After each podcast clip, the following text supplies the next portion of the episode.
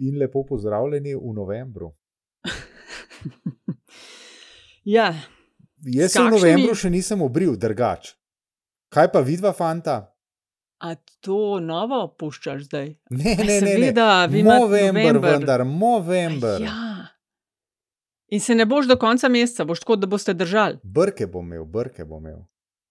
Šalim se, ša ne bom imel brkov. Hm. Pa si jih kdaj imel? Koga brke? Ja. en beden poskus med korono, ker so se vsi delali, da tega ne vidijo. uh, točno vem, kako si se počutil. Zakaj? Ja, ker sem jaz tudi imel že kakšen tak poskus. Ne? Začuda novembra. Če kaj že, november je proti raku na modih. Testi si jih, ja, tako je. Ja. Moškega, ja, ja. Glej, da se na avto obrila po testisih. Andraš, ja, pregledujte se, fanti. Jaz, seveda, jaz seveda nisem tega počel novembra, uh mhm. -huh. te akcije meni ne ležijo. Ampak ne vem, enkrat spomladi je moralo biti. Lej, med korono smo uh, vsi mrzke čudnega počeli. Ne? Ja, ne navadnega, odkrivali sami sebe. ja, pol s kakšnimi uh, občutki in pričakovanji gremo v november. Jaz grem zelo optimističen v november. Uh, moram povedati za mhm. zapisnik, uh -huh. drago poslušalstvo, občinstvo, da smo se za tole epizodo približno 14 dni zelo neuspešno dogovarjali, a ja ali ne, in kdo bo, in kdaj, in koga ne bo, in utroje, in kdo bo s kom, in tako naprej. Še posebej se je intenzivirala debata prejšnji teden, tistem tednu dolgih nožev. E, na kar je že zgledal, da te epizode sploh ne bo. Ne?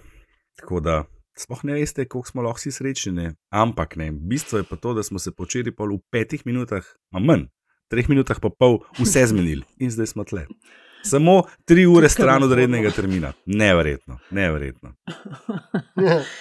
Veš kaj, da je aljašti kar uh, špičko, ker se je dejansko v prejšnji epizodi smo dali naslov tedni grmenja in to še kar je. Ne? Pred nami je časna naloga. Meni je včasih nenavadno, kako novinci v politiki kar naenkrat postanejo sami sebi namen. Moja naloga in dožnost je, da se oglašam v takšnih situacijah. Mislim, lažje držati za lopato, moram reči. Diskurs, ki ga slišimo danes, je šovinističen. Fantje igrajo monopolio z državnim premoženjem. To je LDGD podcast, ki nikogar ne podcenjuje in ničesar ne jemlje preveč resno. V imenu svojih najbližjih in v božjem imenu vas pozivam na lov. To so vsi koraki v smeri večjega socializma. LDGD, torej poslušate podcast, ki nikogar ne podcenjuje in ničesar ne jemlje preveč resno, še posebej ne politike, z vami pa Andraš Zorko Valikon, privatnik Antiša Korjan, Aljaš Pengal Bitenc Radio Chaos in Nataša Briški Metina Lista. 140. seja je to. Um, najprej na začetku, seveda, moram res povedati, da hvala za vprašanja, ki ste nam jih pošiljali in komentarje. Mi to res vse preberemo in vse je v uh, failu zapisnik uh, in vprašanja. Tako da danes jih bomo, uh, gospodje, verjetno uspeli kakšne dva, tri mogoče nasloviti. Posebej tisto okrog, kaj se zgodi. Prvo, prvo sem v roki umrl. Nasloviti. Ja. Ja, ravno, kar, ravno kar si dala 10 evrov v. Ja, sej za to, da bomo imeli banko. za piknik. Da bomo imeli za piknik. Drugač pa, Ljaš, ti si spet zmagal, veš, politbizarka leta. Oh. Tvoj šarčev resničnostni šov je prejel 52 odstotkov in si gladko porazil vse nas. Naraščanje poplavne škode je 23, izlet v Disneyland 16 odstotkov in demokrat Miha in njegovo pojmovanje ovajanja 9 odstotkov. Tako da, Aljaš. Tudi do 10 ti... nisem prišel. Anti, še Ampak, spet se grebeš. Ne? Ja, res. Mislim, res, ja, Anti, še se ful grebe. Ja. Jaz pa kar šest. Ampak pazi, štirje krogi, tri zmage za Aljaža. In ena za Antišo, tako da zelo zelo zelo zelo zelo to, ki jaz tekmujem sam s sabo, pa zdaj zgleda tudi za Antišo, kdo bo imel najmanj. Ne. Kaj se pa s tabo, Štefi, dogaja, to je pa, to je pa enigma. Veš, kaj se dogaja? Jaz pa zaenkrat vodim, ne, jaz pa tako gladko, gladko vodim v točkovanju za druga A. mesta. Tako da tle sem pa ne premagan. Nično drugem. Tako da Moj cilj bojo pa drugim. Ti boš pol na koncu dobila legaško priznanje, ja. z legaško zmago, ne zato, ker je bila to kot prva, ampak boš konsistentno druga. Konsist, tako, tako, ker to je to. Veš, ko so se pogovarjali z muzičari, ne? ker fakt tist, ki imaš eh, en hit na 20 let, če ga imaš pa nič drugega. Ne, konsistenca. Ti sam, zdaj pa ne, ko si želiš konsistenco omenila, če smo biti konsistentni, ne, a nimamo mi neko tako pravilo, da če nekdo tlele trikrat zapored zmaga, naprimer, tako smo izločili Janša, pa še koga ne da ga pol uh, blokiramo. Torej, aljaš, jaz mislim, da si zrel za blokado. Ne? To trikrat zapored le neki ni v redu. Ne? Izven konkurence.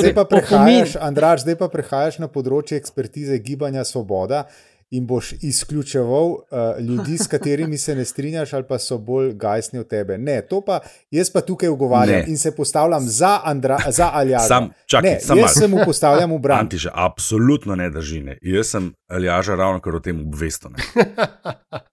no, to je pa res. Ne. To je pa res. Ker za razliko od gibanja Svoboda, kjer ni bilo uh, glasu proti izključitvi Roberta Pavšiča in Mojce Šetinc Pašek, ne, tukaj so glasovi proti ker mi smo res svobodnjaki in res demokratični. Pa če tudi smo samo štirje.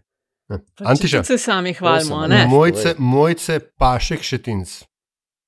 Uh, ne, to je pa zanimivo, ker njeno dekliški primek je pašek, uh, ampak ja? v medijih se pa, in to je meni bilo nenavadno, se skoraj praviloma pojavlja kot mojca šetinc pašek.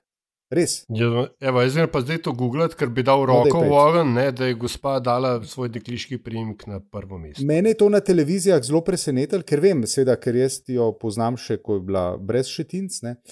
In uh, hm. uh, me, me je začudilo, no, ampak ok. Drž evo, ej, aj, uh, stojim popravljen, kot se reče, ker je tudi na spletni strani državnega zbora mojca šetinc pašek. No, poglej. Ok, očitno sem jaz vzgojen v drugačne vrste feminizma. Ja, Lejte to, še preden smo začeli, smo že rešili eno vprašanje. Ja, uh, Antiša je pa na vrhu dobro delal, če se mi zdi, da je bil Antiša. Se pravi, ko bi se recimo, nerešljivo. Taka gospa loči bi bila pol mojca pašek brez šetinc. Recimo, ne. ne? Se sliši to redo, ne? ja. Uvodoma sem omenila, torej tedni grmenja. Jaz si nisem mislila, da bom kdaj to rekla, ampak eto, ko me čakam, da pride retrogradni Merkur, da bo mal, da bo mal miru. Uh, šele 13, mimo grede, ne, šele 13. decembra. Tako da zdaj imamo še dober mesec, uh, verjetno živahnega dogajanja pred sabo. Ampak, torej, v, od časa, ko se nismo slišali, čistke v gibanju Svoboda reševanje slabše forme s kazanjem prsta na druge, pa uh, afere, uh, Dars, uh, resničnostni šov, mimo grede, ostali smo brez tega. Ne? Aljaš je zmagal, ampak resničnostnega šova pa ne bo. Ampak ajde, da začnemo, Andraš, enkrat ti prvi, za razliko. Ne? Vse si pripravljen, se zdaj si veš, odmaral pošteno. No, sej, ne. Zdaj boš navaden. Odmaral pomeni tudi, da sem se trudil čim manj spremljati dogajanje, kar seveda ne gre. No, pa pa povej, kaj je do tebe. Nekaj rečeš, čim manj. Mislim, So delčki prihajajo do tebe. Ne. Kaj pride do človeka, ki ni on a daily basis na hukan? Težko rečem, da nisem on a daily basis, gledam, da imam telefon, kar veliko rok, imam Twitter, imam uh, vse aplikacije za novice in imam seveda tudi vas na četu, česar ne morem spregledati. Ne. Tako da, absolutno sem spremljal dogajanje. Mm. Malo sem se mu čudil, moram priznati, ker je šlo z nevrjetno hitrostjo. Čudil sem se spet nam, ali pa tudi ne, ne ker smo to res kar naenkrat napovedali. Ne. Objavimo epizodo tedni grmenja in puf, ne, začne grmet. Um, torej, jaz sem tako rekel, nisem, nisem pa spremljal, seveda, nastopa v živo, tle sem si pa eno, eno mejo vsem postavil, da ne bi šel pregloboko v to ker sem bil vendarle na vakancah. Ne. V glavnem, um, jaz mislim, da je bila to ena taka kulminacija, pa da niti ni bila tako zelo načrtovana, da so se stvari začele malo uh, same od sebe kotaliti. Tako Rolling Stones teden je bil, ne. Eno z drugim, m, najbolj, najbolj zabavno se mi zdi odziv uh, NSA-ja po enem tednu skoraj. Ko so, tako kot sociologi, vedno zamujajo z analizo, prišli ven in rekli, da gre za zakulisno igro eh, Svobode in SDS, tudi zadnji začel, ne, tako ne pet dni prepozno, so spet spomnili vse na, na afero, ki se je njih dotikala zelo velik, zdar sem namreč ne. Um, mal presenetljivih potez je bilo tle. Jaz sem zanj v prejšnji epizodi govoril, da jaz razumem ta ravnanja in nastope predsednika vlade kot pač nek odločen nastop. Se mi zdi, da nam pač kot kritikom publike nikoli nič prav. Ne? Ni nam bilo prav, ko, ko je bil Cerar mlačen, zdaj nam pa ni prav, ko je pa golob, kot jaz pravim, tem odločen. Uh, vi boste mogoče rekli, da je aroganten, nesramen, pa še kaj drugega. Um, tega je pač zato, da tako kot je prej Nataša rekla, mislim, da je bilo to že v uvodu ali, že, ali še prej, prej smo začeli snemati. Ne?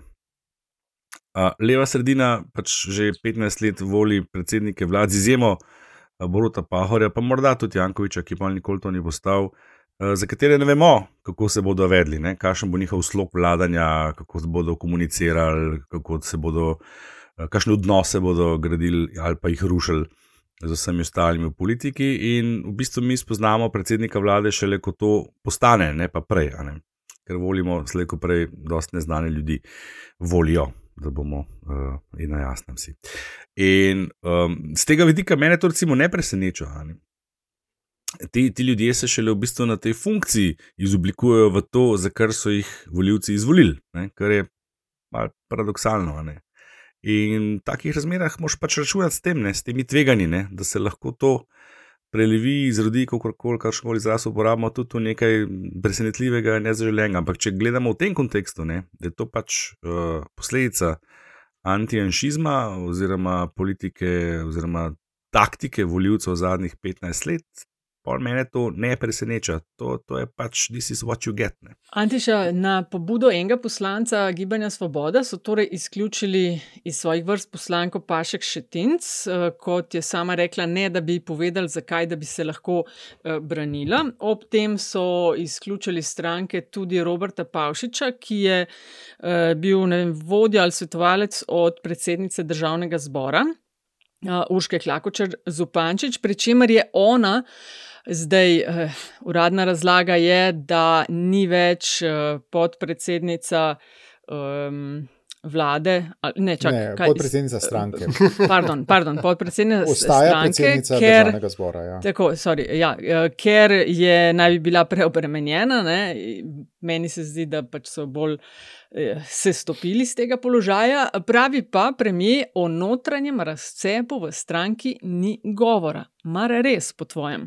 No, jaz, jaz bi, oziroma sem, ne, ne samo da bi, ampak sem. Ne, uh, vse nastope v kaj minulem tednu, če se ne motim, ko se je to dogajalo, ko so bili ti dnevi grmenja, ne, sem z uh, vse nastope predstavnikov oziroma predsednika Gibanja Svobode jemal z ogromno, ogromno skepse. Jaz tistemu, kar je predsednik vlade povedal, v resnici skoraj ničemur nisem verjel. No, to že moram reči. Ne.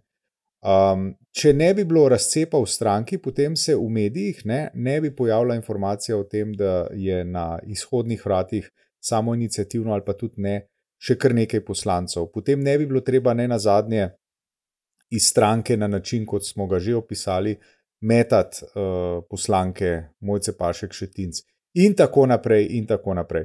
Tako da o razcepu, oziroma kako si rekla Nataša, o razkolu stranke, mislim, da daleč od tega, da se je zgodil, zgodilo zadnje dejanje. Jaz mislim, da tisto, kar moramo mi zdaj gledati, je uh, tisto, kar se bo zgodilo v gibanju Svoboda.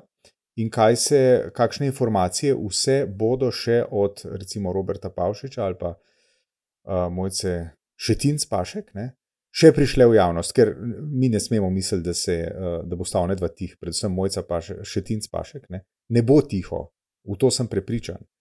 In uh, um, tisto, kar bo, tisto, kar bo prišlo ven, bo skoraj gotovo uh, ponovno vzburkalo, uh, kako se reče, uh, med prazniki mirno gladino vode oziroma morja. Uh, in to bo za sabo potegnilo sigurno odzive ponovne z vrha gibanja svobode in tako naprej in tako naprej v nedogled. Ne? Bi pa ob tej priložnosti, bi pa ob tej priložnosti izkoristil, oziroma v tem trenutku izkoristil priložnost. Ne? In bi opozoril na nekaj, kar smo, Nataša, ti boš znala povedati. Mi posneli uh, izdajo številka, koliko je bila takrat dan po volitvah? 90 in nekaj, če se ne motim. 92 našteli. 0,92, takrat jaz sem v tistih dneh to poslušal. Ne? eno leto in pol nazaj, se mi zdi, da smo tako, ne da bi se hvalili, ampak tako, kot eni čarovniki smo opozorili na to, kaj se zna zgoditi, če ne bodo ravnali pametno. Meni je zelo žal, ampak mi moramo ugotoviti, da se dogaja točno tisto, na kar smo mi takrat opozarjali.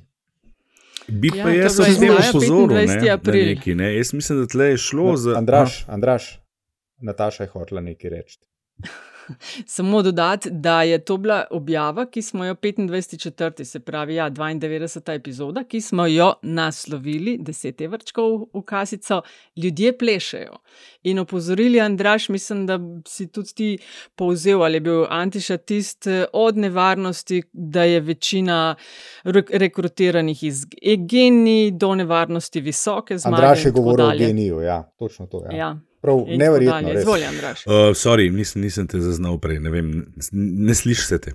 Um, uh, kaj sem hotel reči? A ja, hotel sem temu upozoriti, ker je rekel Antiša, da smo upozorili, da pa tle, jaz mislim, da je šlo ne, za nek orkestriran napad, zdaj je bil načrtovan ali ne, ampak m, zdelo se je na koncu, da so se res pridružili vsi, ki v tej vladi vidijo uh, neko oviro, tako ali drugačno, za svoje interese da so se pridružili temu stampedu in da ob tem, vsem, kar se je dogajalo, se meni spet ne, meni, meni ne čudi ta reakcija. Pač, kot sem prej povedal, ne, this is what you get, veš. In uh, to, kar se je dogajalo, ne, te pa pa težko rečeš, da ni šlo za eno kar do sistematično rušenje te vlade ne, z vseh različnih strani. Pa spet ne, ne bi se rad, ne bi se rad hvalil, ne, ampak točno v epizodi z naslovom Tedni gremene sem pozoril na ključne indikatore, kaj se dogaja, če se spomnite na zadnje, čist na koncu epizode, ne, ti ključni indici, um, um, da se začenja tisto obdobje, ko se začne to vlado rušiti in uh, iskati pol, ne vem, nadomestnega mandatarja ali pa celo govoriti o predčasnih volitvah. Mislim, da še isti dan, ko smo objavili epizodo, snemali smo jo pa dva dni predtem. Je Janša uporabil točno te besede, ki sem jih uh, v epizodi napovedal, ne, da je ta vlada uh, da, da je to vlada konec. Ne. In to je najbolj zanesljiv znak, ne. ko se povežejo različne sile z desne in leve, ne. načrtno ali ne, zmenjeno ali ne, to je zdaj čisto vse v končni fazi. Ne. In se začne sesuvati vlado novih obrazov. To, ta scenarij smo že videli, ne, ne samo enkrat. Ne. In v takih razmerah pač ne, pa zdaj ti novi, ne, spet rečemo, materiji reagirajo, kot reagirajo. Ne. Eni bolj, eni manj spretno. Cerar je reagiral po svoje, Šarc po svoje, golo pa pač po svoje. Ne. So tri različne ljudje, tri različne, ljudje, tri različne osebnosti in tri različni odzivi. Ne. Vsak po svoje, bohinc pa s krampom, ne pravijo. Glej, uh, a veš, Nataša je uh, omenila ključno besedo, se mi zdi, za trenutne čase in to je konsistenca, ki sem na začetku. Glede, uh, um, ker moram ne, samega sebe citirati, uh, ko sem. Uh, v blogu na to temo citiral eh, Lindona B. Johnsona. Ne? To se navezuje na tisto, kar je Kajantiša omenil, da mojca še tin spašek. Zdaj pač nima več razloga, da bi bila tiho, tudi če bi hotela biti. Um, Več Lyndon B. Johnson je rekel, da it's better to have people inside the tent pissing out than outside of the tent pissing in. Uh, uh, Meni ni čist jasno, zakaj I, uh, uh, uh, na, na se na ta način čisti stranko. Uh, tudi če odmislimo vse to, uh, vse te hashtag, vsi so isti, ne? ker uh, um, paraleli z enšizmom in z Janšim vodenjem SDS se ponujajo same od sebe. Um, mogoče gre res veš, za to, da, da drugače ne zna, ne? ker je na ta način se domnevam čisti, kaj pa vem. PR oddelek, potem ko ugotoviš, da ti informacije o poslovanju podjetja uhajajo v javnost. I don't know. Ampak konsistenca. Veš, problem te vlade in tega premijeja je v pomankanju konsistence. Veš, tebi se zgodi, kriza, ki ne načrtuješ, fuk, pivot a, a, celotnega programa. Se a, a, reforme ne izidajo, pumf, pivot. U, torek zjutraj, pivot. Veš, in, in, in ti obrati ne, a, a, a, sa, za sabo potegnajo zmedo, za sabo potegnajo a, a, ne načrt, mislim nefokusiranost vseh ljudi, ki tebi pomagajo oblikovati politike, to res ni. Ne? In to, to mislim, ziljontič. In ja, povedali smo v epizodi 92, povedali smo milijonkrat, potem še milijonkrat bomo očitno povedali, vodenje vlade ni isto kot vodenje neke firme, kak, kakorkoli hiper uh, uh, um, to že je. Viš, in ko smo že pri tem, ne, um, so ga zajebavali uh, goloba, ne, ker ka, ka, kaj se že temu reče, Elon Musk energetike. No, pa ti meni pove, kje je Elon Musk zdaj, pa kakšno javno podobo ima. Mogoče ta paralela bolj drži, kot smo si mislili na začetku. Smo si takrat mislili, ja. Lahko sem en medklic, ali ja, ki si tale pivo to menil, si ne morem kaj ne spričo trajične novice spred par dni nazaj. Torej, primerjaš Roberta Goloba z Davidom Švimnerjem v Franciji, ki nos kauč gor. Pivot, pivot, pivot, to je to, ne? Je, je, recimo, ja, lej, a veš, tako mora pizda, da je. Pick a line and stick to it. Samo to, zdrži pri eni stvari več kot tri mesece, pa boš videl, da se bodo stvari začele same od sebe zlagati. To, veš, vodenje nacionalne, na nacionalni ravni, vodenje politike je primarno izogibanje konfliktom. To, ti moraš poskrbeti za to, da boš naredil prostor za svoje ideje, ne da boš še nametaval stvari na, na, na, na, na ogenj, ki pa ni čudno, da se bodo, veš, uh, Andraš se sprašuje, ali je načrtno ali ne. Nič, vrsta pile-on, vse to, uh, uh, kar se zdaj vsi na njega mečejo. To ni načrtovano, to je samo pač dejstvo, da končno lahko nekaj naredijo, ker drugega itak nimajo. Zdaj, jaz se sicer upravičujem naprej, Andražu, ker se bom sklical na zadnjo anketo, ni na medije, ne? ampak vendarle. Uh, um, ne glede na to, kar se dogaja in da je situacija, da je vlada v resnično slabi koži v smislu javne podobe, še vedno. Opozicija, glavna opozicijska stranka skupaj z Jordanom B. Petersom, fan clubom, ni sposobna dobiti 50 odstotkov uh, plus v javnem mnenju. Viš, in pol SDS zdaj ima neko plakatno afero, klegor, ne, kdo zdaj pleše, ne, v smislu, a smo vam rekli, ne ljubčki, mi smo vam rekli, LDGD vam je rekel, vi niste imeli za burek takrat, takrat ko ste, ko ste, uh, uh, ste izgubili volitve. Ne. In mi smo vam rekli, ampak to, da pa zdaj glavna opozicijska stranka reče, a smo vam rekli, ja. Pizda, kje je problem? Pri vsej tej situaciji, v kateri vlada je, ti še vedno ne dobiš 50 plus v, v javnem mnenju. Kje je problem? Ne, ni problem v golobu, problem je v tebi. In v hipu, ko bo slovenska desnica uspela umakniti Janša, se bodo tudi na levi nehali pojavljati novi obrazi, ker se bo pojavila potreba ne samo za antijanšizmom, tako kot je Andraš previdno gotovo, ampak tudi potreba po konsistenci. Evo, thus ended the rent, na pol sem bolan, avto imam na servisu, pa še delati ne moremo v hribu. Kaj pa pralni stroj? Saj to izrihtam. Uh, jaz bi samo, samo tri stvari. Jaz mislim, da je eh, tako, za mogoče za, za rabo vnaprej. Ne bom trdil, ampak mislim, da je konsistenca fizikalni pojem, konsistentnost je pa oblika delovanja. Okay, ja, to, za, point, mogoče za naprej. Ja, ja, uh, druga stvar, Aljaš, rekel si, uh, rekel si um, uh, bistvo premjerovanja je izogibanje konfliktov. Da, če ob sebi nimaš uh, kot glavno svetovalko uh, Vesno Vukovič, ne, ki pa od konfliktov živi. Ja, to vem. Ja, iz osebne izkušnje uh, zelo dobro jo njen modus operandi sedaj poznam, še iz njenih časov, ko je politično delovala v medijih. Ne. Tako da ne morem, uh, tukaj ne morem pritrditi, ne. to je prva stvar. Ne. Uh, d, uh, še ta tretja stvar, ki sem se mislil odzvati, je pa, rekel si, um, rekel si uh, da delujejo po SDS-ovsko. E, uh, gibanje Svoboda. E, neče moči, ne? ker če ti pomisliš, da je skozi zgodovino SDS tako na odprtem, po mojem spominu, izključil samo enega človeka in to je bil Ivo Hvalica, vse ostale ki jih je pa Janez Janša zaznal kot grožnjo, se je pa umikalo na bistveno, bistveno bolj uh, eleganten način, moram reči. Ne? To, kar gledamo in smo priča v gibanju Svoboda, to je un ultradrvarski partijski način iz leta 67. Medtem ja. ko tisto, kar, kar je, kar je uh, SDS, ki ne da v SDS-u manjka partijskih usporednic, daleč od tega. Ampak to so se pa vendarle naučili, da se te stvari delajo tako, da se človeka pošle, bodi si v Bruselj, bodi si na kakšno, na kakšno mogoče kakšno ambasadorsko mesto in tako naprej. In tako naprej. Teli tukaj, ne, gibanje Svoboda, delajo pa to v maniri partije po drugi svetovni vojni in čisto nič drugače, ali pa če hočete. V maniri sovjetske partije med, med, med obema vojnama. Že, no, no, jaz sem rekel, da so samo paralele, so, ampak ja, seveda, se strinjam, ja. absolutno, absolutno. Ampak zato, Andraš, mogoče ne gre toliko zelo olejte, kako se spravljajo na ruki, kot gre za serijo golobovih in njegove ekipe self-inflicted wounds. Ne?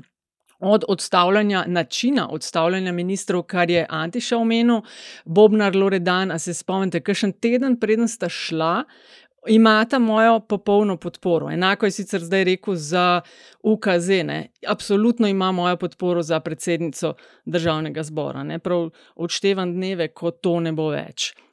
Pa je imel od napovedovanja reform, kaj vse da bo, potem pa ni bilo. Od reševanja zdravstva, ki tudi ne gre po načrtu, od obljubljanja sodnikom 600 evrov, dobili boste, pa tudi tole ne gre. Od, do tega, da koliko je golob outsider. Ne?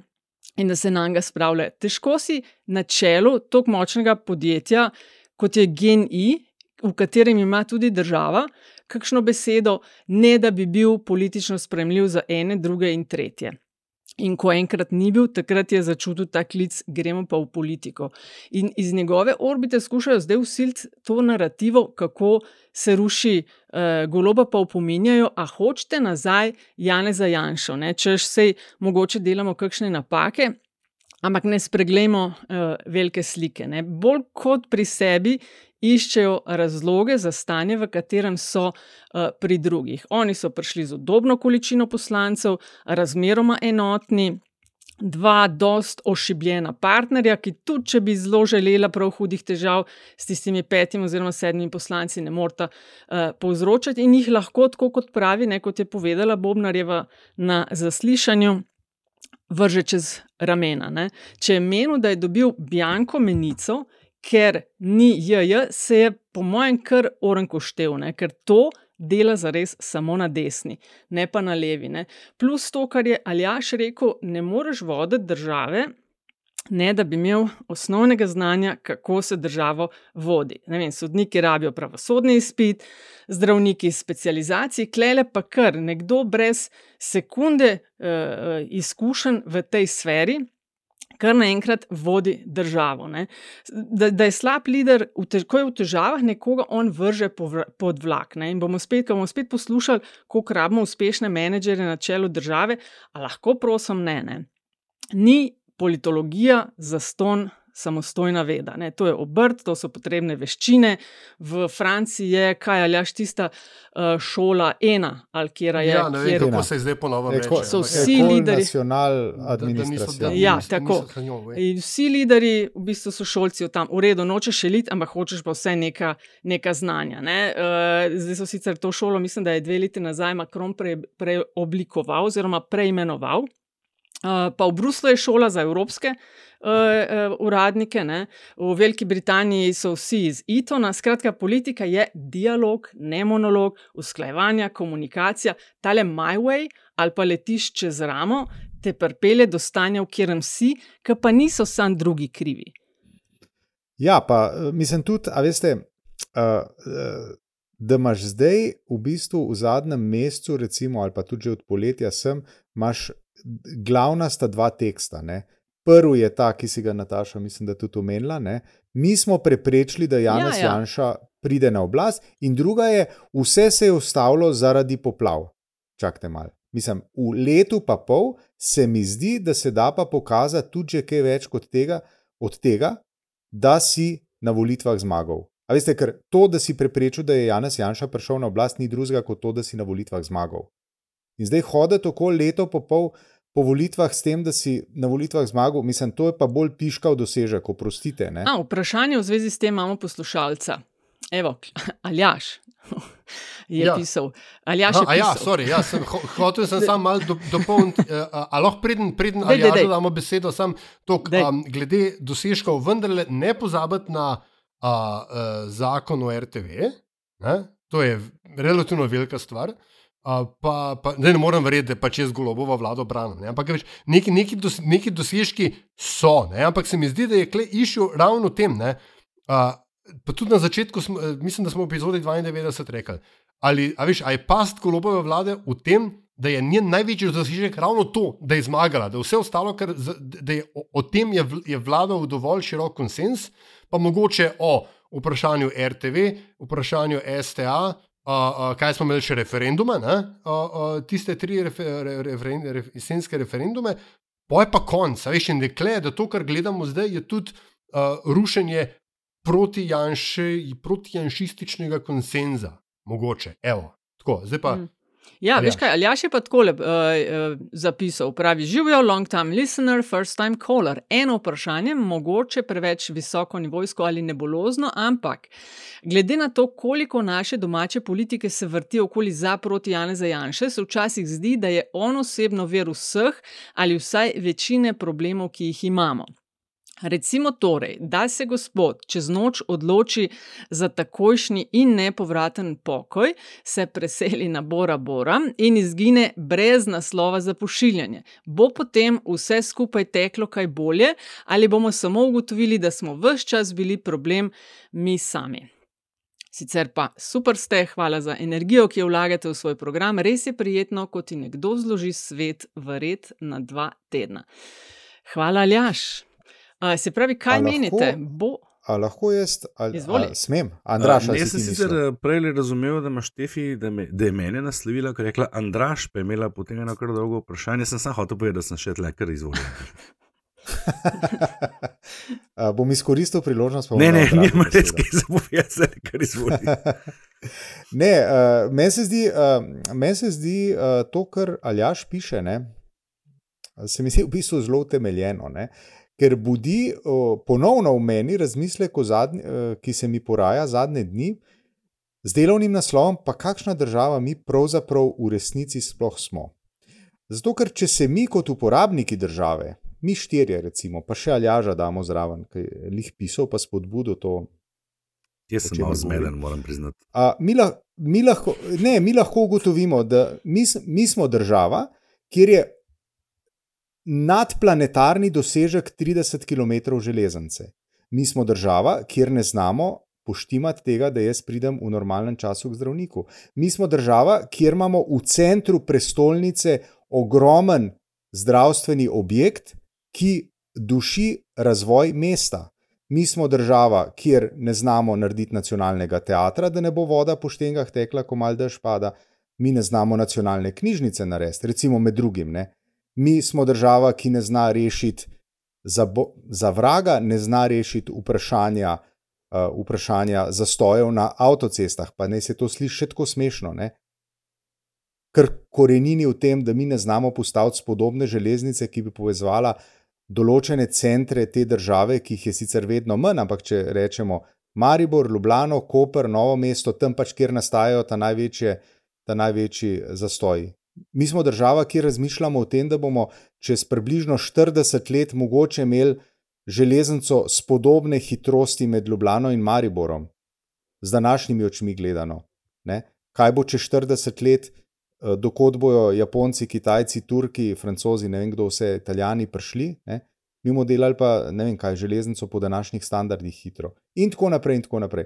In mi v bistvu Ne, če še dodam, mi smo država, ki poklekne ob zdravstveni krizi, smo država, ki poklekne ob, ob vodovo, eh, se pravi, um, povodnji, smo država, ki bo ne dej, da se bo, da se bo um, uh, kakšen potres zgodil, k, kot berem včasih, tretjina Ljubljane podrla, in tako naprej. In tako naprej. A to, a, zdaj pa rekel, kaj diareja. A smo se za to borili?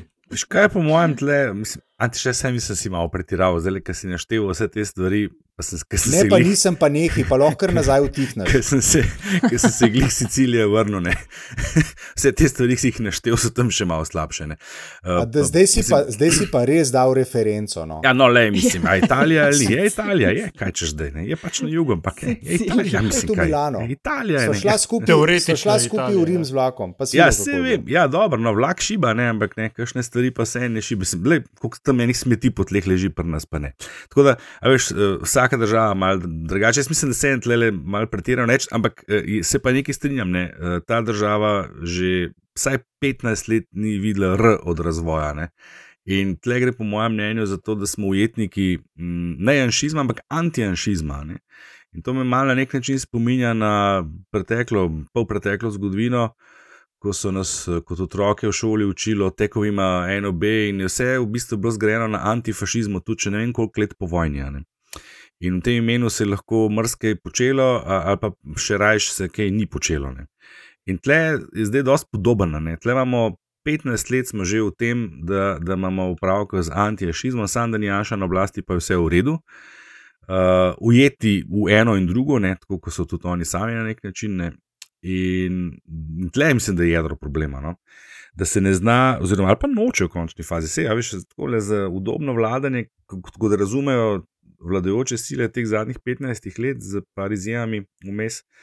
Um, je točno to, to nam pripada, to je naše, mi bomo zdaj to naprej uh, um, zlorabljali, uporabljali, izkoriščali, kot vemo in znamo. In to je zadnjih 15 let pač uh, antijanšizem, prvih 15 let je bilo pa nekaj drugega. Ne? Ampak že vse čas, ne, od osamosvitve naprej, je ta država, kako koli obrnemo, ugrabljena. Zdaj to je malo bolj do izraza prišlo v zadnjih 15 letih.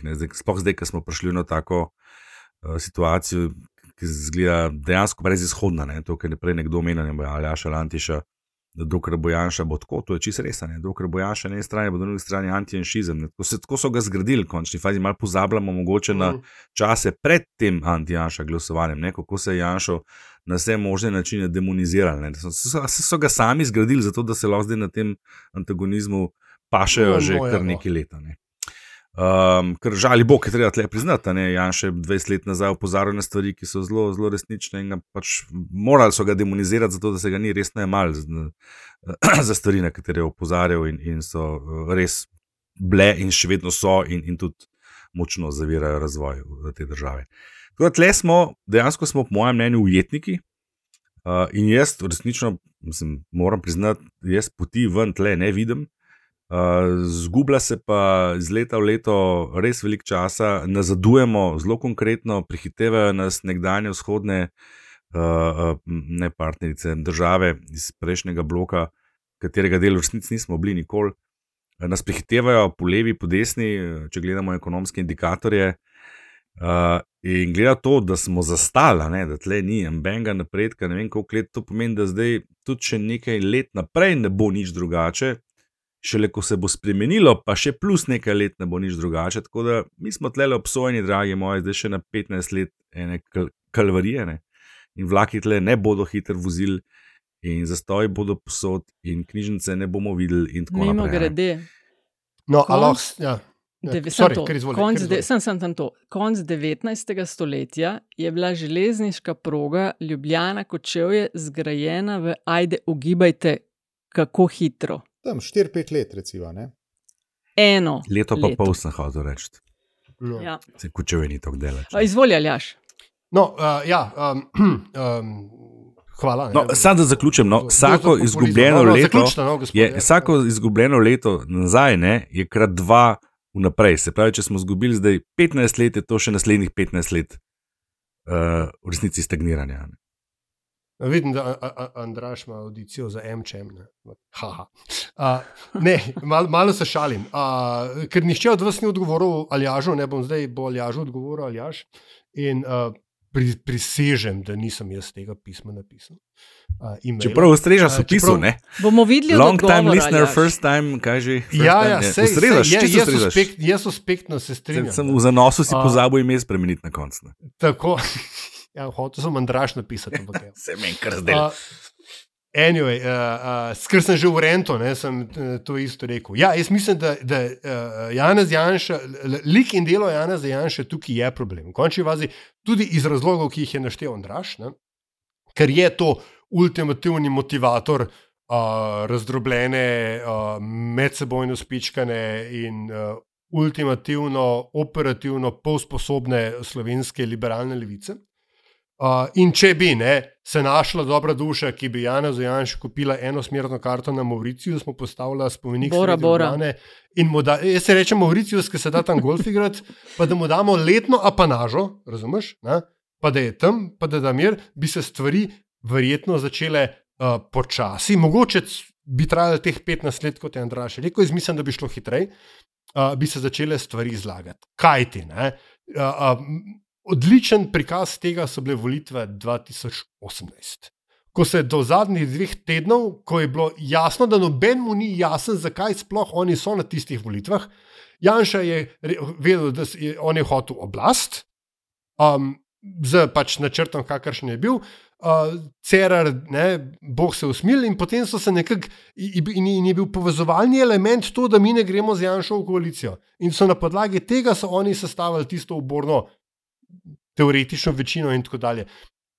A veš, in je, in je uh, um, zdaj, a veš, a ti rečeš, da je antijanšizem cokla, ali da je Janša cokla, zato ker, ne, a veš, Andraž, za razliko od, od uh, antifašizma in antinacizma v Jugoslaviji, ne, smo mi Janša na oblasti uh, izkusili trikrat. Ne, in uh, upam si trditi, da nas nikoli ni razočaral. Vedno je bil točno tak, kot smo se bali, da bo.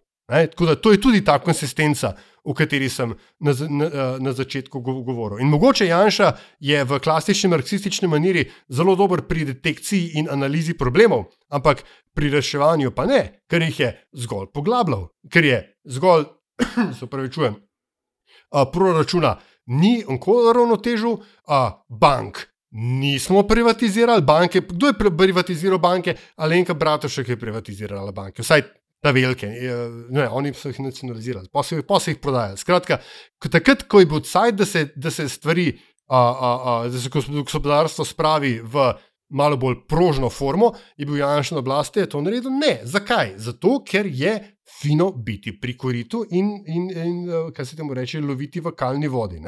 Um, skratka. Če se ta uh, agregacijski moment levice umakne, potem se mogoče stvari lahko začnejo uh, premikati. Zato mislim, da je ne, um, poslušalec Aljaš zadev že blico na glavico in uh, upam, da se ga bo je njegov um, nasvet ali pa željo v kratkem izpolnjena. Jaz ob tem. Uh... Antiša, mater, koliko ajev. Antiša, sam to dodajam, ker si razlagal, kaj vse ne dela, pa ne štima. Mi vedno pade na misel citat. Uh, slavnega slovenskega diplomata, eh, sicer brata neslavnega ministra za kulturo Simonitija. Skratka, istok Simoniti je pred leti v enem intervjuju dejal, da mi smo čisto ok, sam stoletna manjka. Tako da. Mm, prebijamo se čez to, kar so se vse države prebijale, ki so bile stare, to, kar smo mi. Seveda bi si, ker živiš v tem času, želel, da bi se stvari hitreje rešvali, ampak gre po korakih, po katerih gre. Eno vprašanje, eh, tudi pa se klele navežem takoj na. Teh, eh, ob aktualnem stanju se seveda ugiba o pobegih poslancev in poslank, tudi o predčasnih volitvah, ne? predvsem iz tabora SDS je slišati, aha, a vam je zdaj boljš, a se pleše in tako dalje. E, naj ponovimo, vsaj jaz, e, nihče ne. Eh, čuti skomin po obdobju, ko se je kršilo človekove pravice, vladavino prava in načenjalo demokratične osnove. Tako da ne. Vprašanje, ki ga je pa Jan poslal pred časom, je pa bilo, Um, med poslušanjem oddaje in koliko bi SDS in NSI lahko prišla prek 50 odstotkov, ti si, to si Andrej tudi um, o tem temi veliko govoril. Kaj pa sprašuje, če se pojavi nova stranka, ki bi jo vodil ali sponzoriral Borod Pahor? Za meni na prvi uč pade seveda na pamet ta platforma sodelovanja, kjer Pahor je seveda. Zraven, oziroma njegova uh, svetovalka dolgoletna in vodja kabineta, ampak kaj menimo o tem? Torej, kaj pa bi se zgodilo, torej bi na desni prišli čez, če se pojavi nova stranka, ki bi jo vodil ali sponzoriral Borod Pahor. Pa smo pri Aljaževem vprašanju. Ja, posredno spet. Ja. Zdaj, jaz mislim, da se potencial Boroda Pahorja bolj podcenjuje, kot precenjuje. Uh, tako kot se je včasih, ko je bil še predsednik in se je en del javnosti, predvsem te, ki, je, ki se združuje na Twitterju, uh, zgražal nad njegovimi objavami na Instagramu, pa so spregledali, koliko v bistvu pa ima on tam pravzaprav publike in oboževalcev, mogoče celo. Mislim, da mi ne vemo čistočen, uh, kdo te ljudje so in ali bi prišli voliti ali ne. Uh, ampak glede na to, kako se on sistematično gradi kot znamka in v kakršnih časih živimo, kako se odloča dan današnji na volitvah, se mi to sploh ne zdi uh, neverjeten scenarij. Um, sploh v nekem kontekstu združevanja in uh, točno tega, ne, izhoda ven iz začaranega kroga janšizma in antijanšizma na drugi strani. Tudi če bi potem sklepal koalicije s komorkoli že. Tako da moja cena je, da m, stranka, kjer bi bil on vidnejši uh, igralec, bi definitivno uspela na državno-zborskih volitvah. Uh, ne bi si pa recimo zdaj upal ocenjevati, kakšen je ta potencial. Uh, bi pa lahko bilo res to razumljeno kot ena od poti ven, ker se ta pozicija, ta spravljiva pozicija, ne, ta, ta anti-desno, anti-levo delitev, gradi že kar nekaj časa. In jaz mislim, da obstaja v javnosti tudi en del ljudi, ki imajo res uh, poln kufr, po domače rečeno, teh uh, asi za ali pa proti Janšu, da je to edina izbira. Kakršna koli že alternativa bo od Pahorja v tem primeru, ne pustimo zdaj to. Ne.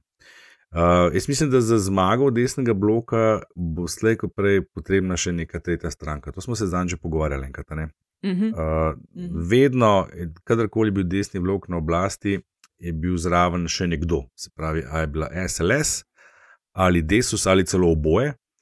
Ne ene, ne druge stranke ni več, uh, mislim, da se to Lizanč razlagal. Ne? In ti dve stranki z svojimi omejitvami, SDS, to ogromno večino te stranke ne bi nikoli volil, pa če mi kamen na glavo pade, pa NSA, ki, ki ne preseže 7%, pa če naredijo še toliko prevalov, pač ne morejo priti čez 50, ni šanse. Ne? Neka tretja stranka tle bo nujno potrebna za njih, če hočejo še kdaj priti na oblast. Pa jaz mislim, da to bo predvsej bolj uh, možno in izvedljivo, če bo postalo jasno, da potem ni avtomatično Janez Janša ki postane predsednik vlade, ker pač Janez Janša je predmet uh, zavračanja in dokler je to tako, ne smo spet ujeti v ta, ta začaran krok, ne Janša, veš, anti-Janša. Si pa, zdaj, a si predstavljate pa reakcijo levo od sredine, če bi se res pahor pojavil v stranko, v kateri bi se pojavljali ljudje iz različnih polov levih in desnih, kakšen rend bi bil pa še le to. In potem, to, kar ne, poskušajo v platformi sodelovanja. Ja, ja ne, če bi to zdaj kar naenkrat postala stranka in se tam pojavijo neki bivši SD-jevci, pa neki bivši SDS-ovci, mislim, rend z leve bi bil trikrat hujši, kot z desne, po mojem mnenju. Uh, mal, mal se mi zdi, da bi šel v smeri tako, kot, uh, tako kot je bilo zdaj le v Ljubljani o potvoritvi roga, ko bi se med sabo fino, fino sprli. Eh, kar bi pa potem lahko vodilo tudi v res ta razpad antijašističnega bloka, ne? ker nič drugega to trenutno ni, kar je levo od sredine. Ne? Tukaj pa mislim, da mogoče mečken uh, podcenjuješ uh, en drug element. Ne? In sicer, ali bi Borod Pahor bil pripravljen igrati drugo violino. Veš, če se, če se v, v, tej, če v to enačbo ustaviš samo novo stranko pod nominalnim vodstvom Borota Pahorja. Um, mislim, da ne boš prišel do izida, kot, kot, kot ga napoveduješ, zato ker bo. Uh, Ker je Janez Janša, spet, spet, spet smo pri Aljažu, kot je Antiša rekel. Uh, uh, dokler je Janez Janša na sceni, on pač on ne bo igral druge violine. In Borod Pahor pa tudi ne bo igral druge violine. Pri vseh njegovih minusih, ki jih je, katerih seznam je dolg in ugleden, uh, je pač dejstvo, da ima ta človek sam sebe vis, visoko ceni, ga pač dela ultimativno primernega za politično tekmo. Ne? In da vsakeč, ko se, zjut, ko se zjutraj pogleda v špegu, vidi svetovnega voditelja in on pač ne bo igral druge violine Jana Zajanša, ne glede na to, kako zelo uslužen in ponižen in, in pač vsake, vsakeč pretvori v tepih, koga, koga potrebuje. Ne? Ampak njegov zunani minister pa ne bo. Ne? In Čak, če, če pa bi.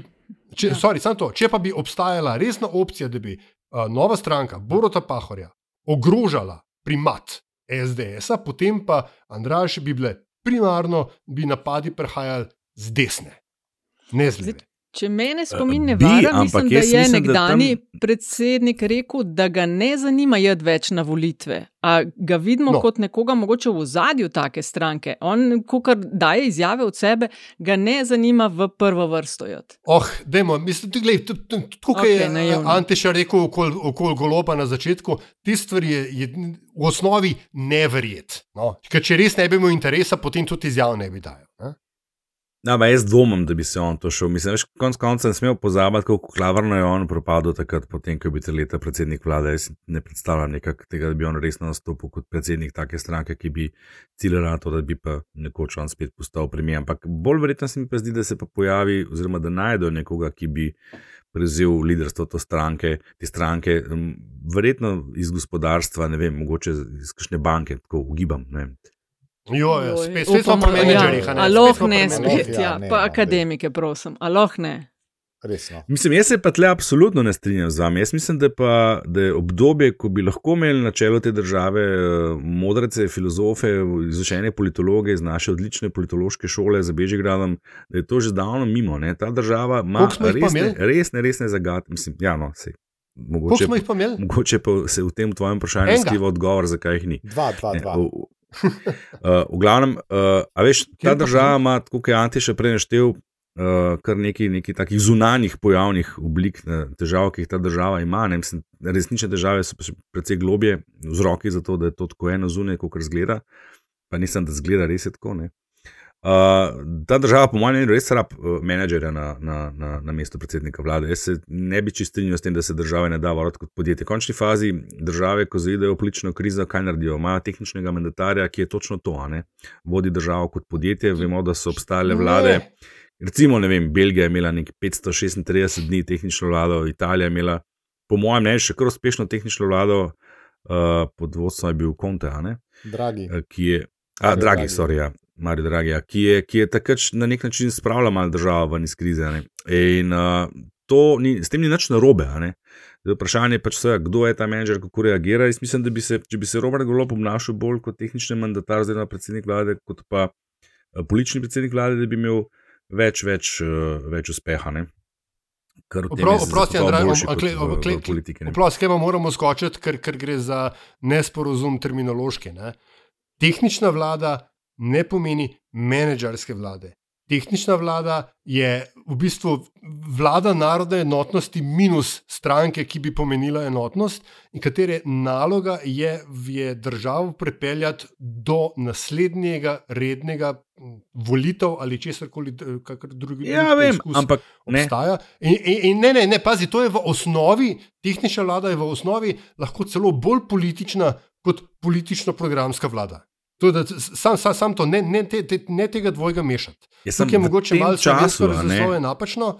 V tem času ni. To uh, ni, to ni me, management. Ampak v tem času ni političnega prepucavanja znotraj te vlade, ne, ker imajo vsi skupaj jasne cilje.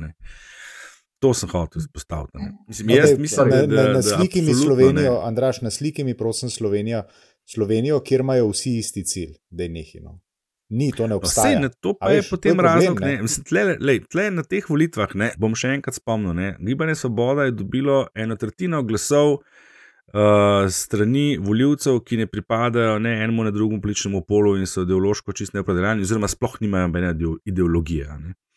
In jaz sem pripričan, da so ti ljudje tudi malo vsi ti že tega uh, jenšizem, anti-jenšizem uh, situacije, ne? te situacije namreč. In eh, mogoče se res, veš, eh, golobu zdelo, da zdaj pa s tako večino, kot jo je dobil, pa skupaj z še dvema edinima preživelima strankama na volitvah, mi se spomnimo, ne, Levica je za las uh, preživela tiste volitve. Ne. SD pač kot vedno na svojih standardnih šestih odstotkih zgrajenih na uh, uslužbencih javnega sektorja, kjer so sistematično zaposlovali zadnjih 30 let. Ne. In potem se je zdelo, ok, ne, zdaj smo dobili mandat, ne, mi smo šli v, v to z jasno zavezo, da bomo, kaj on takrat govoril, ne, mi bomo očistili RTV, ne, mi bomo zrihtali to in pol, ki je to naredil, so vsi skočili po njem, kaj govori. Ne. Mislim, govoril je zdaj na tanko isto, kot je govoril pred volitvami, sam pred volitvami se to nobenemu ni čudno zdelo, zdaj, ko je pa to povedal post-festom so pa vsi v luft skočili. Tako da mogoče se njemu res del, da imamo zdaj jasno zavezo, dobili smo mandat voljivcev, res nevreten, ne? volilna deležba je bila res ogromna in tudi rezultat je bil strašen. In da imamo zdaj skupaj to narediti, tako mogoče malo naivno. Ne? In v takih razmerah lahko vodiš ti pol državo kot podjetje, ker kaj je v podjetju drugače? Podjetje drugače v državi samo to, da večinoma, ne nujno vsi, ampak tam vsem, večinoma ljudje, ki so v podjetju, stremijo k temu, da bomo na koncu vsi imeli več od tega, kar bomo naredili. Ne? In zato, in zato se da država, bi se dal voditi na ta način, če bi seveda bilo to tako. Ampak če imaš pa ti z leve in z desne skozi neko, neko spodbijanje in tako naprej, pa pač ne moreš države voditi kot podjetje. To se pa strinjam, takrat moraš biti pač politik. Zdaj, če si pa pol vse čas sam še politik, ne, pa, pa ni več vodenja države. To, pa, to je pa pol sam še usklajevanje interesov, parcialnih levo, desno, pa, pa smo tam, kar smo, ne, mislim kaj. Prosim. No, no če si politik, ne moreš voditi. Ja, mislim, mislim, ne, ne, če se sam še s tem ukvarjaš, o... če se sam še s tem ukvarjaš, uh, uh, okay, na eni strani zamenjuješ politiko. To ni politika. Če se sam še s tem ukvarjaš, kako boš umiril levo in desno interese, pa kako boš svojo podobo gradil, pa kako boš, kakšen bo tvoj PR, pa se, sam, pa se ne ukvarjaš več z vodenjem države, ne? pa se ukvarjaš z vodenjem svoje podobe, upravljanjem svoje podobe, pa, pa s podporo do naslednjih volitev. Zato pa pol stvari. To pač so politikanstva, ja. to ni politika. Ne? To, mislim, mm. gledanje, zdaj izgleda. Pravijo, ljudstvo pa pol temu prilagajati, kaj bomo delali. Ne? To ni, uh, če govoriš čisto tehnično, kaj naj bi politika bila ali pa polnovreden politik, e, to ni to, kar se zgodi. Glede loče zdaj teorijo, pa prakso. No, Ja, absolutno, ja. tudi isto pri menedžerjih, ne? kaj piše v teoriji o tem, kako se vodijo podjetja, pa kako v praksi izgledajo. Mislim, v Sloveniji imaš zelo veliko podjetij, ki so zelo ja, dobro. Isto imaš politiko zelo veliko različnih vrst. Ne? Ja. Štefija, imamo mi še kakšno vprašanje? Veš kaj imamo? Imeli smo še komentarje, ampak zasegajo zelo daleč nazaj. Tako da jaz bi samo rekla hvala istoku za uh, pismo, pa je nejo jasni. Uh, navezval se je še na tiste uh, infrastrukturne zadeve, kakšen mesec pa pol nazaj, veš. Uh, pa Ana in Daša. Pa Ana in Daša sta se odzvali na tisto okrog. Uh, Kaj je bil tisti štiglic, primer štiglic? No, Ampak te dve najbolj aktualni, zdajšnji, smo pa, kot bi rekla, naslovili. Ja. Ampak, bi še kdo rekel, da imamo že 40, 40 evrov? To je dva piknika. Ja. Um, a bi še kdo kaj želel povedati, ali gremo na politbizarke, vas je še kaj zmotil? Vemo, kar ne bizarke. Um, ja, to mogoče. No, napovedan je sklic, to pa zna biti tudi zanimivo. Napovedan je sklic koalicijskega vrha. Ne? Po praznikih so rekli o rekonstrukciji vlade, o zmanjšanju ministrstv. Um, to bom jaz manj prešparan za polit bizarko, tako da bom klele utihnila. Ampak no, no, želi kdo. Nova koalicijska pogajanja. Mislim, no, recimo, to je, ja, to je stvar, ja, mečken... spet smo pri konsistenci. Konsistentnosti, ja. pardon. Letijo ostre puščice tudi na relaciji SD, poslanci oziroma poslanke in gibanje Svoboda. Ja, uh, vi, viš kaj, tukaj imam mislim, eno opombo, ki se navezuje na to, kar je Antiša, ki si, ki si ti rekel, ne, da a, a, SD in Levica, da v resnici nimata za burek, ne, če zelo uh, poetično povzamem. Um, jaz na, tudi na to ne kaže povsem računa. Veš, ker vendarle, uh, če vem, se zgodi opor v koaliciji in se obe manjši stranki rečeta, hej, se v resnici nimamo nič več za zgubiti, kar se morda zna zgoditi ta teden, ne, ker prihajajoče teden, potem kar naenkrat ta vlada nima več večine. Veš, tako da uh, sama vsaka zase mogoče ni zelo vplivna, skupaj imata pa ravno dovolj uh, moči, da uh, nasujeta kakšnega peska v uh, tole kolesje ponovnega pivota. Ne? In um, mislim, da se zna, uh, da bomo spet imeli še eno. Lekcijo v učnih letih izumitelja Goloba ne, o tem, kako vodenje države in ukvarjanje, oziroma reče, aktiviranje nekih ustavnih določil ne, pač ni isto kot memo iz, eh, iz pisarne predsednika uprave oddelku 212, ne, da je treba meškin pojačati tempo. Um, um, je to to? Um, um, ja. uh, like, Danes je v formi, ta pralni stroj ti je dal vetra, je benteš. Čisto razpizden, čisto razpizden. Um, Potem nas pa to torej pripelje, se pravi, do politbizarke, kaj se vam je v zadnjih tednih uh, zataknilo v očesu, ker je bil Aljaš prvi prejšnji teden, ima pravico, da prvi nadaljuje. Aljaš, oh, kaj si ja. izbral? No, jaz bom izbral, evo, jaz bom naredil pivot. Uh, in sicer, uh, ker smo v tem postprazničnem obdobju. Uh, dneva spomina na mrtve, dneva vrčevanja 31. oktober, in seveda um, dneva uh, slovenske, ne, je to praznik, slovenske reformacije um, v isti dan, bi uh, za mojo bizarko izbral um, protireformacijo, ki je v letu 2023 očitno še uh, povsem živa. Um, idejo na to je sprožil tale uh, uh, eden od duhovnikov, ki so na Twitterju, Tadej Ložer, ki je pač um, tvitnil nek proti reformatorskim, proti lutrovskim mem, ne? ravno na dan reformacije. Uh, ker, veš, bi človek si vendarle mislil, da dominantna religija v državi, mogoče bi kaj, koliko je tega že skoraj 600 let, ne, uh, vendarle počasi oladila, smanjila, doživela je pa rekla: Fanti, vse je v redu, vse je. Ni več tako grozen. Ste preživeli tudi, tudi reformacijo in, in razkolo crkve, ampak očitno ne, ne. Očitno je v, v hipu, ko je možno, je, so, so te uh, želje po uh, restauraciji ne, uh, starega režima uh, prisotne. In je tako, če vam če očitno niso prebavili niti reformacije, ne, ki je par stoletij stara, kako zelo pa mislite, da so prebavili takšne novotarije, kot je recimo ne, drugi Vatikanski koncil ali pa pravica do splava ali pa podobne stvari. Tako da, evo. To je moja bizarka. Proti reformaciji 2023, ali až pa kdo ne bi hotel kšeftati z odpustki, no, prosim te evo, lepo. Valjda, da moti. Um, štefica je bila druga in Štefica in prejšnjič. In um, moja polit bizarka je pa to število ministrstv.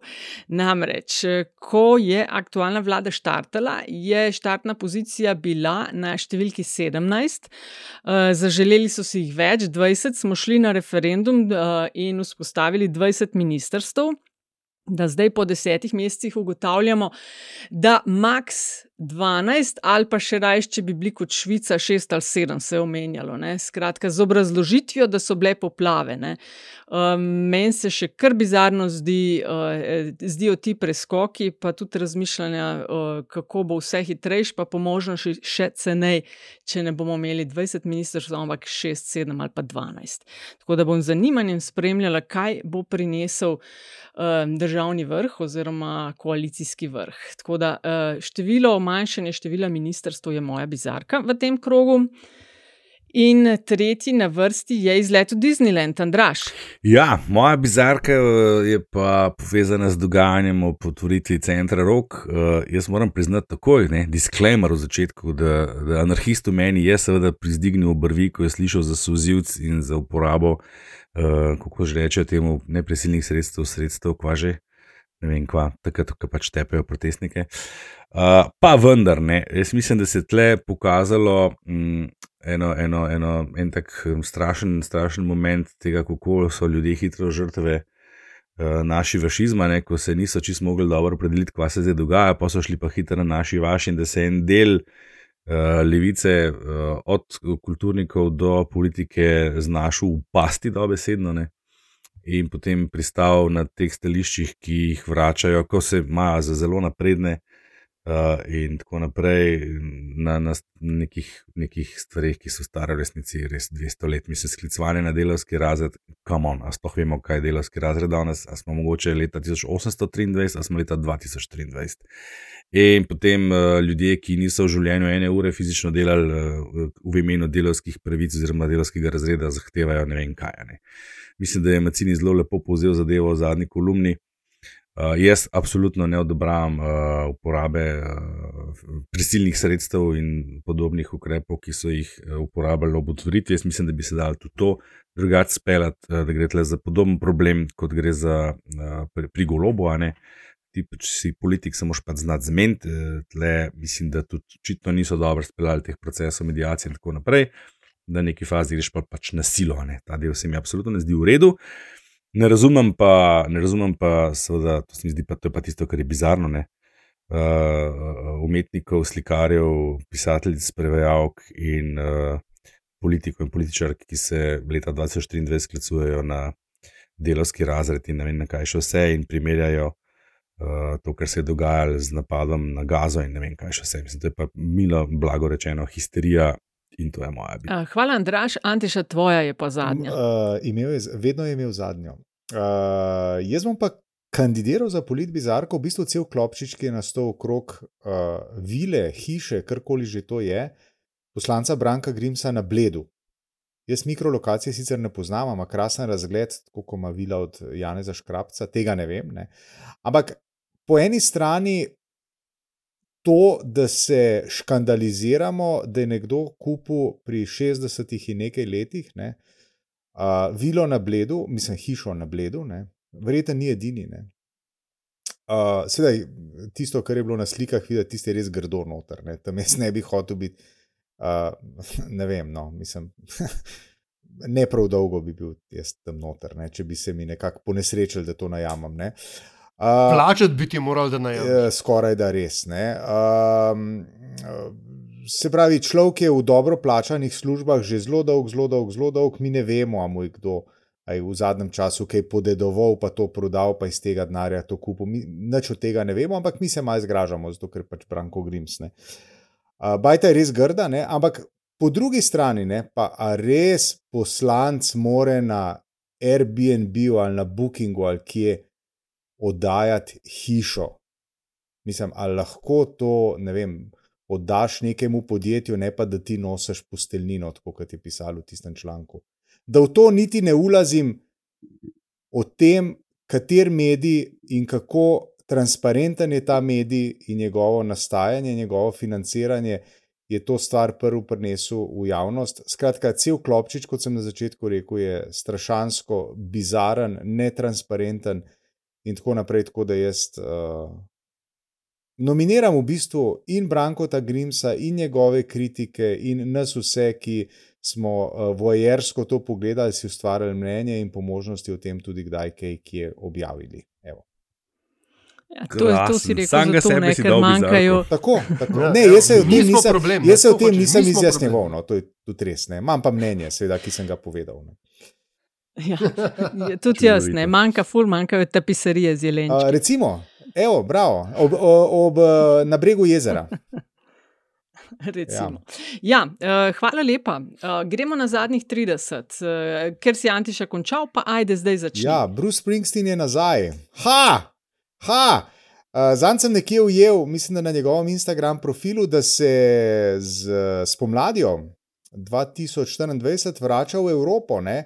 Večji del turneje bo odpeljal v, uh, se pravi, ne v centralni Evropi oziroma srednji Evropi, ne, um, Wales, Idri, um, Irska in tako naprej. Ne. Uh, srednji Evropi se pa približa v se, tem koncu maja, v začetku junija, ko sta dve mesti, ena je Praga, drugo mesto je Milan, kjer ima dva nastopa na stadionu San Siro. Ne. Tako da je za razmisliti. Jaz sem bil junija ne, Julija v Dunaju, fantastičen šov in uh, razmislite, ne bo vam žal. Bruce Springsteen nazaj v Evropi. Ja, razmislite, kako boste čakali na karto online, tako kot Štefica za Taylor Swift, pol je pa dvakrat po dve uri visela, tri ure, ostala brez vsega. Uh, Andraš, izvoli. Uh, ja. Jaz pa v nasprotju s pričakovanji ne bom eh, priporočal Sicilije, ker se ta priporoča sama po sebi, res je krasna.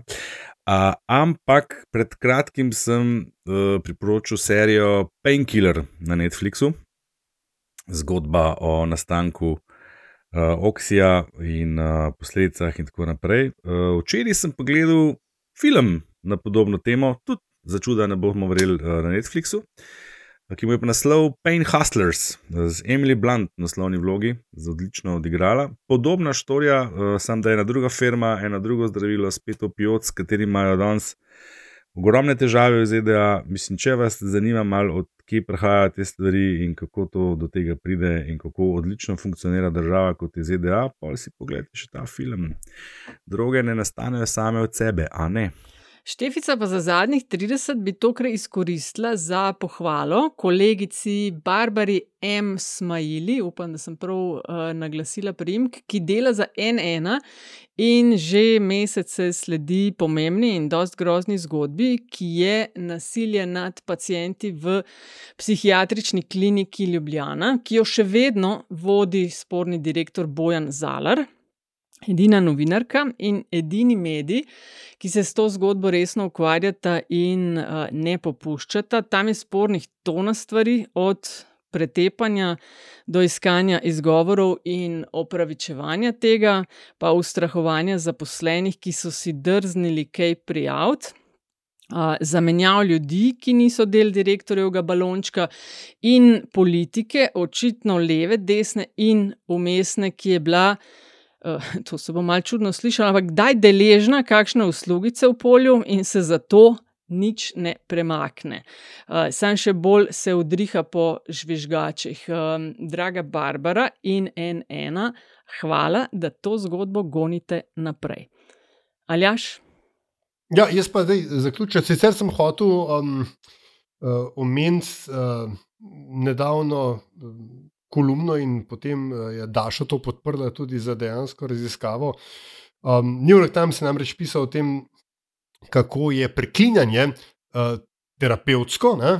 in uh, je potem tudi znak moralnega um, karakterja in tako dalje.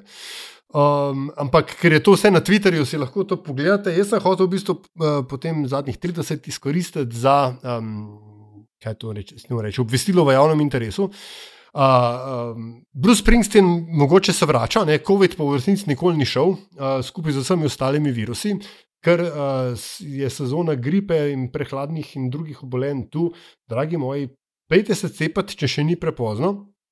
Uh, če pa je, pa pazite na sebe in na druge, ker uh, ta hudič je pač še vedno tu skupaj z vsemi ostalimi hudiči in imajo skupaj mlade.